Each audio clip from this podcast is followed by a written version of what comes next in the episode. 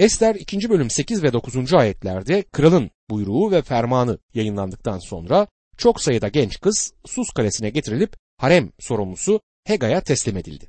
Saraya getirilen kızlar arasında Ester de vardı. Hegay Ester'i beğendi ve ona ayrıcalık tanıdı. En iyi biçimde beslenip güzelleşmesi için ne gerekiyorsa hemen sağladı. Ayrıca kralın sarayından seçilen yedi hizmetçiyi buyruğuna verdi. Sonra onu hizmetçileriyle birlikte haremin en güzel bölümüne yerleştirdi, diyor. Tanrı'nın sağlayan elinin bu durumda çalıştığını görebiliyorsunuz. Mordecai genç kuzeni Ester'i güzellik yarışmasına sokar. Bu konuda bu adama fazla saygı duymadığımı söylemeliyim.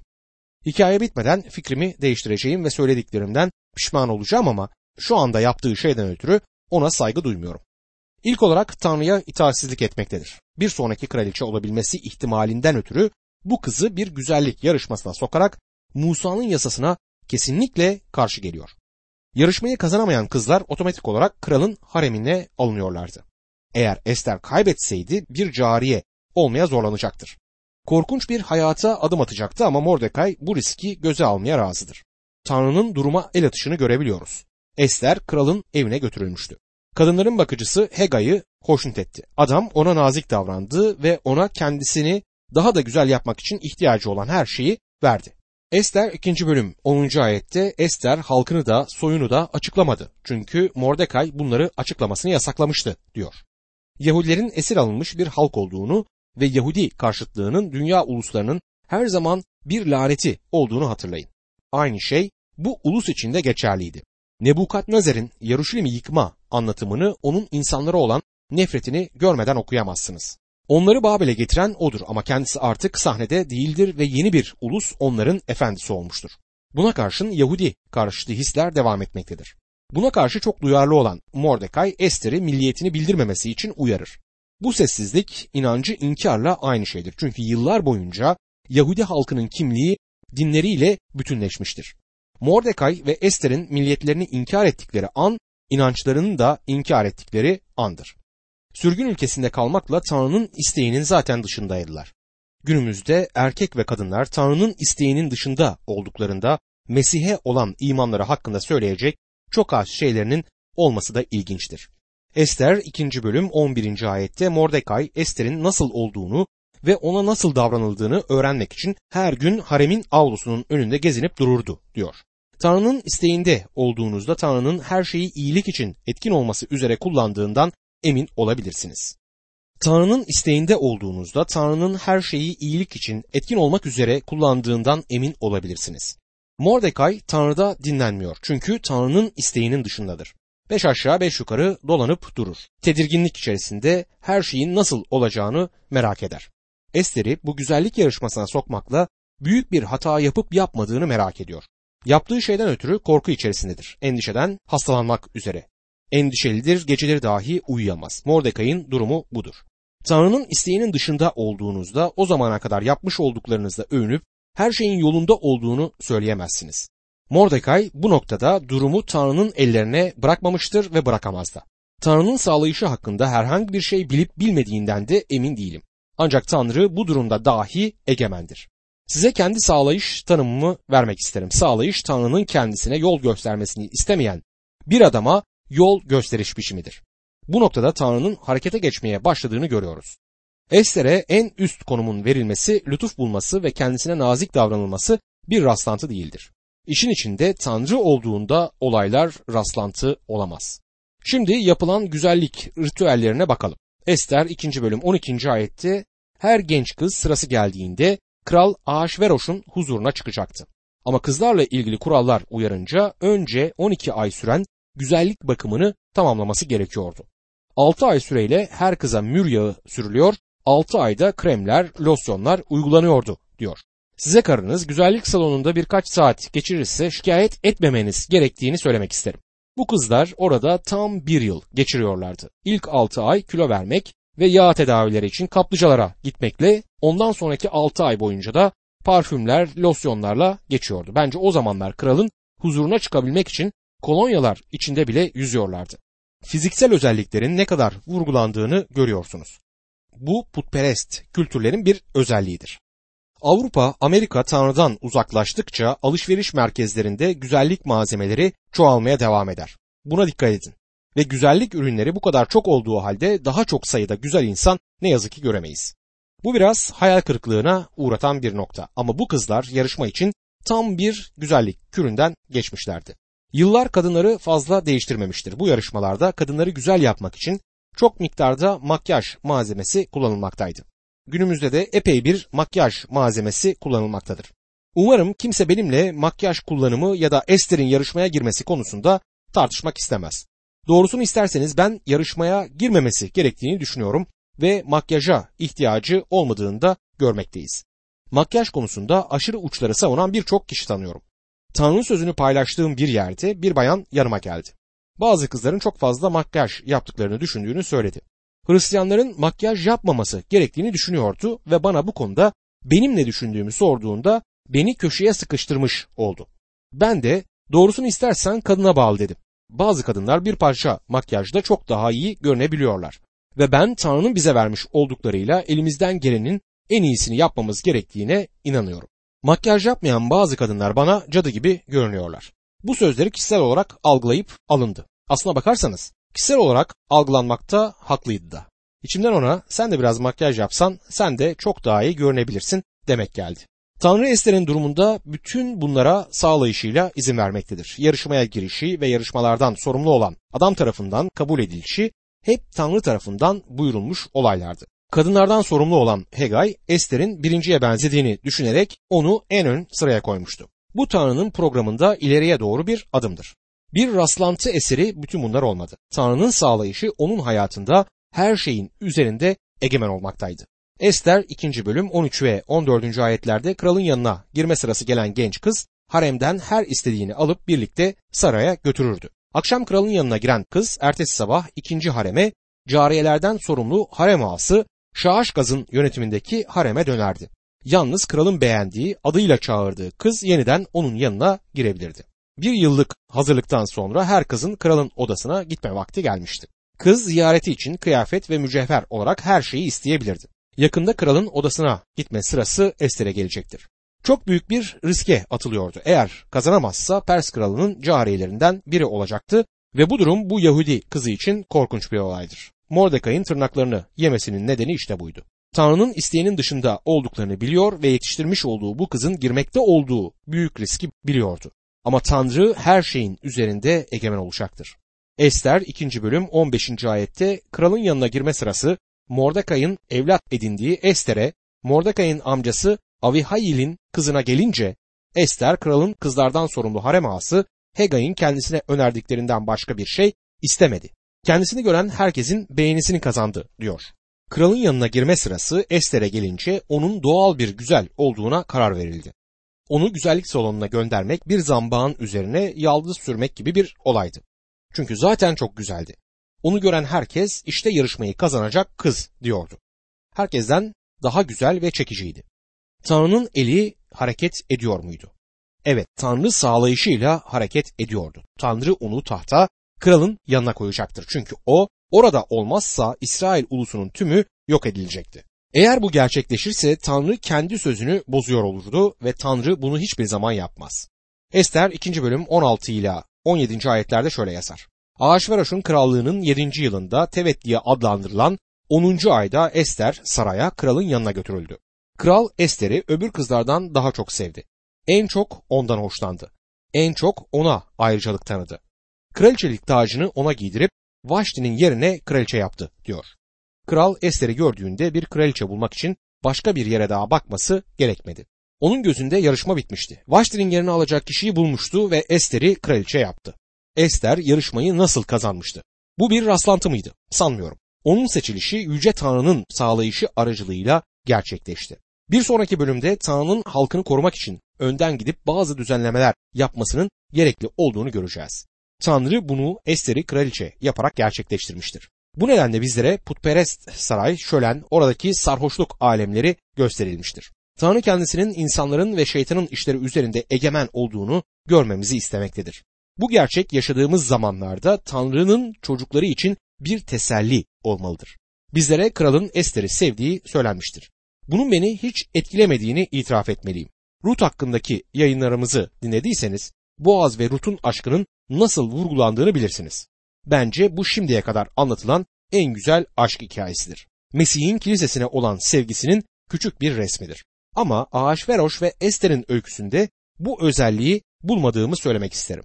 Bu neredeyse umudunu kaybetmiş olan ihtiyar hayal kırıklığı içerisinde bir kralın hikayesidir. Bu ülkeye gelen bir yabancının öyküsü aklıma geliyor. Bu ülke hakkında duyduğum bu üç harf R, K, R ne anlama geliyor diye sormuştum. Şakacı biri ona 20 yaşındayken romantik aşk, 30 yaşındayken kira ve 50 yaşındayken de romatizma demişti. Bu kralın payı da romatizmasıydı. İhtiyar bir kral genç ve güzel bir kızla evlenmektedir. Kral gerçek bir sevginin bir çift için ne anlama geleceği hakkında hiçbir bilgisi olmayan ihtiyar bir putperesttir. Bu konuda güzel ve romantik şeyler ve bazılarının yapmış olduğu gibi bunun Mesih ve kilisesinin bir resmi olduğunu söylemeyeceğim. Ancak olay çok önemlidir. Esir bir halktan olan bu kızın birdenbire dünyanın gelmiş geçmiş en büyük imparatorluklarından birinin kraliçesi oluşunu görmek heyecan vericidir. Baskın olan Yahudi karşıtlığı bu halkı yok ederdi ve Tanrı'nın İsrail için olan amacının tümü gerçekleşmeyebilirdi. Ama tehlike yaklaştıkça Ester eşsiz bir konumdadır. Tanrı onu buraya koymuştur. Ester 2. bölüm 18. ayette ardından Ester'in onuruna büyük bir şölen verdi. Bu şölende bütün önderler ve görevliler hazır bulundu. Kral bütün illerde bayram ilan etti ve krallara yaraşır cömertlikle armağanlar dağıttı. Bu kitabın bir şölenle başladığını hatırlayacaksınız. Şimdi bir başka şöleni Ester'in şölenini görüyoruz. Kral Vaşti'nin yerini alacak güzel bir kraliçeye sahip olduğu için vergileri bir yıl ertelemiştir. Günümüzde böyle bir şey yapılsaydı yer yerinden oynardı herhalde. Kralın vergileri bir yıl erteleme yetkisine sahip olduğunu görmek ilginçtir. Başkentte vergileri azaltmaya yardımcı olacak bir yarışma yapılsaydı hepimiz sevinçten havaya uçardık herhalde. Ester 2. bölüm 19. ayette kızlar ikinci kez toplandıklarında Mordekay kralın kapı görevlilerinden biri olmuştu diyor. Şimdi burada Mordekay'ın yeni statüsünü görüyoruz. Bu bir iş değil bir konumdur. Kralın kapısında oturmaktadır. Bu onun yargıç olduğunu göstermektedir. Çünkü antik dünyada mahkeme kent kapısında yapılırdı. Kentlerin çoğunun etrafında surlar vardı ve bütün vatandaşlar er geç kent kapısından geçerdi. Mahkemeler mahkeme salonunda ya da kentin merkezinde değil kent kapısında yapılıyordu. Kent kapısının boğazında yasal bir konuyu çözülmek için gittiği yer olduğunu hatırlarsınız. Ayrıca Lut hakkında da kent kapısında oturduğu söylenmişti. Bunun anlamı da Sodom kentinde politikaya karışıp yargıç olduğudur. Mordekai'ye bakalım. Ester kraliçe olduğunda Mordekai'nin kent kapısında oturan bir yargıç olması ilginçtir. Bu akrabalarınızı yüksek konumlara getiren akraba iltimasçılığıdır. Mordekai'nin yeteneğinden ötürü mü yoksa Ester'in bunu kralın kulağına Mordekai adlı bu adam benim için bir baba oldu. Çok yetenekli bir adamdır ve ona iyi bir konum vermen benim için önemlidir diye fısıldamış olduğundan ötürü mü yargıç yapıldığını bilmiyorum. Kral da bu çok ilginç. Doğu kapısında bir yargıca ihtiyacımız var. Ona bu konumu vereyim demiş olabilir. Bu kitapta insanlar oldukları gibi gösteriliyorlar. O zamandan beri politika alanında fazla bir değişiklik görmüyoruz. Ester 2. bölüm 20. ayette Ester Mordekai'nin verdiği buyruk uyarınca soyunu ve halkını henüz açıklamamıştı. Kendisini büyüttüğü günlerde olduğu gibi Mordekai'nin sözünü dinlemeye devam etti diyor. Bu kız ilginçtir. Kralla evli olduğu halde hala kendisini yetiştiren adamın sözünü dinler. Ve ben Mordekai'nin kutsal kitapta çok az ilgi göstermiş olduğumuz önemli bir adam olduğunu söylemek isterim. Belli ki çok yetenekli bir adamdı. Bu noktada dışsal görünen başka bir şey gerçekleşmiştir. Ancak kitabın tümü bu olayın üzerine kuruludur. Birisinin söylemiş olduğu gibi Tanrı büyük kapıları küçük menteşeler üzerinde açıp kapar. Yine Tanrı'nın sağlayışını görüyoruz. Tanrı burada olayların ardında etkin olmaktadır. Ester 2. bölüm 21 ila 23. ayetlerde Mordekay kralın kapı görevlisiyken kapı nöbetçilerinden ikisi Biktan ve Tereş kral Ahasveroş'a öfkelendiler. Onu öldürmek için fırsat kullanmaya başladılar. Durumu öğrenen Mordekay bunu kraliçe Ester'e iletti. O da Mordekay adına krala bildirdi. Durum araştırıldı, doğru olduğu anlaşılınca da iki adam dar ağacına asıldı ve olay kralın önünde tarih kayıtlarına geçirildi diyor. İşte bu ilginç bir olaydır. Mordecai kent kapısında oturuyordu. Kapıdan kalabalıklar girip çıkmaktaydı. İki adamın konuşmasını ve onların kralın isminden söz ettiklerini duydu. Neden söz ettiklerini duymak için kulaklarını dört açtı ve kralı öldürmeyi planladıklarını öğrendi. Bunun üzerine Mordekay plan hakkında hemen Ester'e haber yolladı. Bu çok bildik bir resimdir. Doğulu bir hükümran ve sütunların arkasına saklanmış kralı öldürmeyi planlayan pala bıyıklı adamlar. Aslında Doğu saraylarında böyle entrikalar yaygındı. Her zaman kralın işini elinden almaya çalışan birisi var gibiydi. Mordekai'nin yeni konumu planın kulağına gelmesini sağladı. Mordecai Ester'e kralın öldürülmesi planından söz ettikten sonra Ester durumu kocasına iletir. Herhalde krala Mordecai'yi yargıç olarak atamanı önerdiğimi hatırlayacaksın ve ne kadar iyi bir iş yaptığını görebilirsin. Seni öldürmek için yapılan bir planı öğrendim demişti. Sanki gizli polis durumu araştırmış ve doğru olduğunu kanıtlamış diyordu. Sonra bu kişiler tutuklandılar. Vergi veren insanların parasını harcayan uzun süreli mahkemeleri olmadı. Kral öldürülmelerini buyuruyor ve bu insanlar asılarak öldürülüyorlar. Bu krala karşı suikast planlayacak olan başka insanları bu tür düşüncelerden vazgeçirmek içindi. Tabii ki o zamanlarda hiç uygar değillerdi ama yasaya karşı çıkma ve suçlulara el bebek gül bebek davranmayı onaylamıyorlardı. Bu olayın tümü Pers krallığında kralın önemli olayları yazdırdığı kitaba da yazılıyor. Buradan bir şey çıkarıldığını görmek ilginçtir. Mordecai hizmetinden ötürü ödüllendirilmemiş ve onurlandırılmamıştı. Sanırım neden yaptığı hizmetin görmezlikten gelindiğini birçok kere düşünüp durumdan rahatsız olmuştu. Kralın hayatını kurtardığı için kendisine bir rozet ya da bir arma bile verilmemişti. Hiç olmazsa o kadarını hak ettiği kesindi. Bu olay neden görmezlikten gelinmiştir? Tanrı olayların üzerinde egemendir. Tanrı sağlayışı sayesinde olayların tümünü Tanrı yönetmektedir. Ester 3. bölümdeki temel konu Haman ve Yahudi karşıtlığıdır. Yahudilerin hayatlarının bu bölümü birçok defa başka şekillerde gözlerimizin önüne geldi. Bu bölümü okuduğunuzda Haman'ın yerine Firavun'un ismini, Hitler'in ismini ya da Nasır'ı koyabilirsiniz. Aslında buraya uyacak birçok isim var. İsrail'in Mısır diyarında bir ulus olduğundan bu yana her zaman onları yok etmek için bir hareket vardır.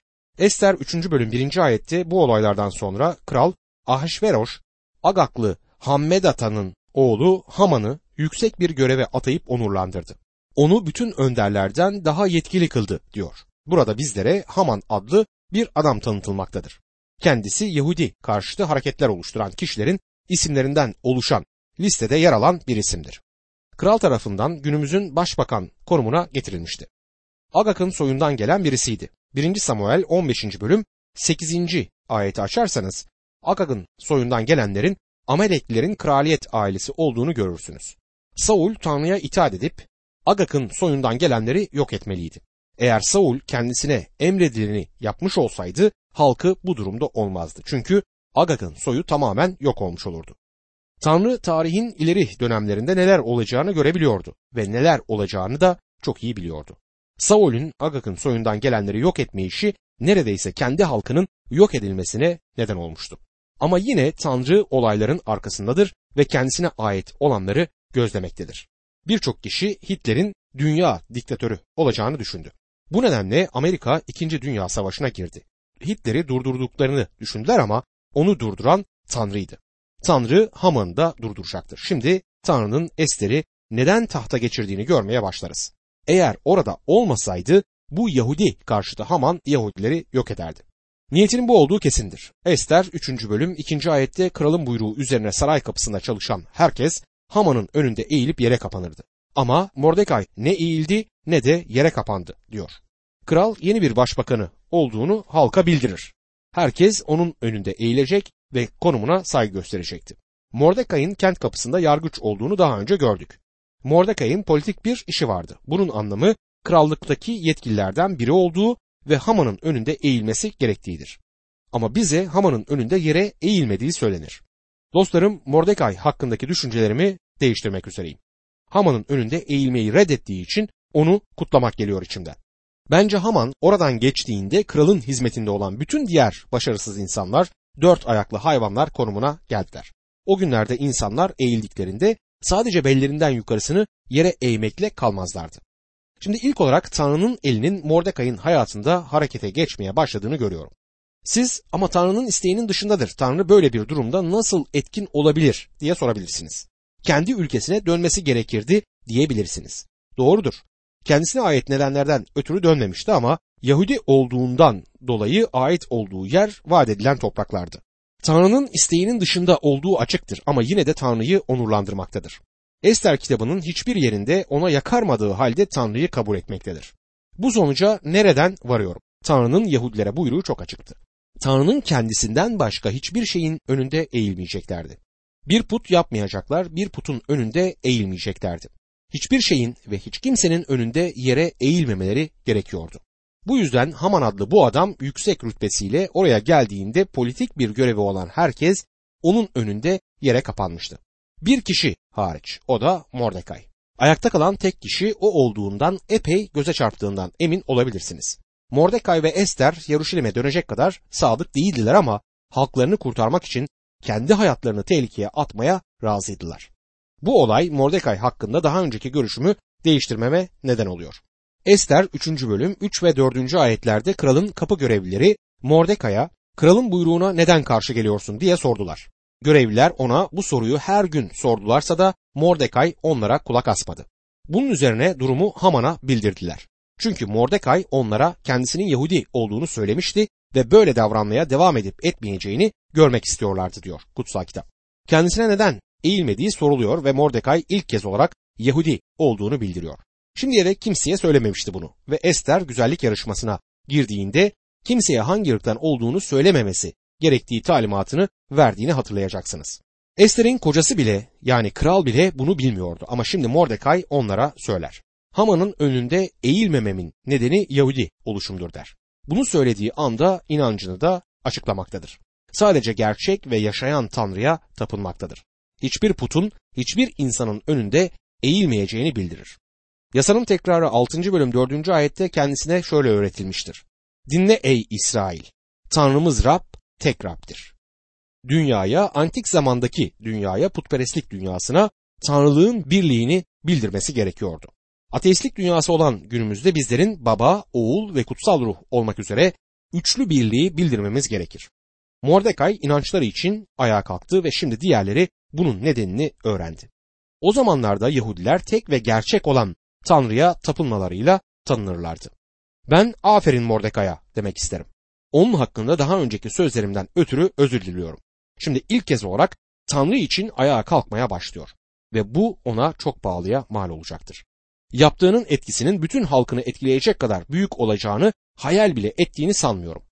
Ama büyük bir olasılıkla en azından işine hatta belki de hayatına mal olacağının bilincindedir. Ester 3. bölüm 5 ve 6. ayetlerde Haman Mordekai'nin eğilip yere kapanmadığını görünce öfkeden kuturdu. Yalnız onu öldürmeyi düşünmekle kalmadı. Onun hangi halktan geldiğini bildiği için bütün halkını Ahasveroş'un egemenliğinde yaşayan bütün Yahudileri ortadan kaldırmaya karar verdi. Bu ayetlerde Haman küçük bir adam olduğunu ortaya koymaktadır. Oysa Mordekai'yi görmezlikten gelmeliydi.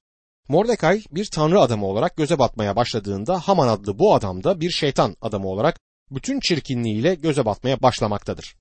Fark edeceğimiz ilk şey küçüklüğü olacaktır. Öykü boyunca Haman'ın küçük bir adam oluşu dikkatimizi çekecek. Onu daha sonra karısının omzunda ağlarken bulursunuz. Dünyada istediğim her şeye sahibim. Krallıkta canımın çektiği her şeye sahip olabilirim ama o Yahudi benim önümde eğilmiyor türünden sözler söyleyecektir. Bu tür bir şeyin kendisini rahatsız etmesine izin veren bir adam küçük bir adamdır ve bu durumun kendisini epey rahatsız etmesine izin verdiğini görüyoruz. Haman korkunç bir şey yapmaya çalışacaktır. Ahasveroş'un krallığında yaşayan bütün Yahudileri yok etmeye karar verir. Tanrı'nın İbrahim'e Yahudileri kutsayan herkesi kutsayacağı, onları lanetleyen herkesi lanetleyeceği vaadi hakkında hiçbir şey bilmediğinden eminim. Ama Tanrı vaatlerini yerine getirir. Yahudilerin kendilerini yok etmeye çalışan her ulusun cenaze töreninde hazır bulunduklarını görmek için tarihin sayfalarına bakmamız yeterlidir. Hitler onları yok etmeye çalışmıştı. Onlardan kurtulacağını sandı. Buna karşın günümüzde Hitler ve grubu yok olmuştur ama Yahudiler hala dünyada yaşarlar. Evet Tanrı halkına bakmaya söz vermiştir. Tarih boyunca yok edilmemiş olmaları gerçeği bile tek başına mucizedir. Tanrı onları gerçekten de korumuştur ve Ester kitabında onun bunu yaptığını görmekteyiz.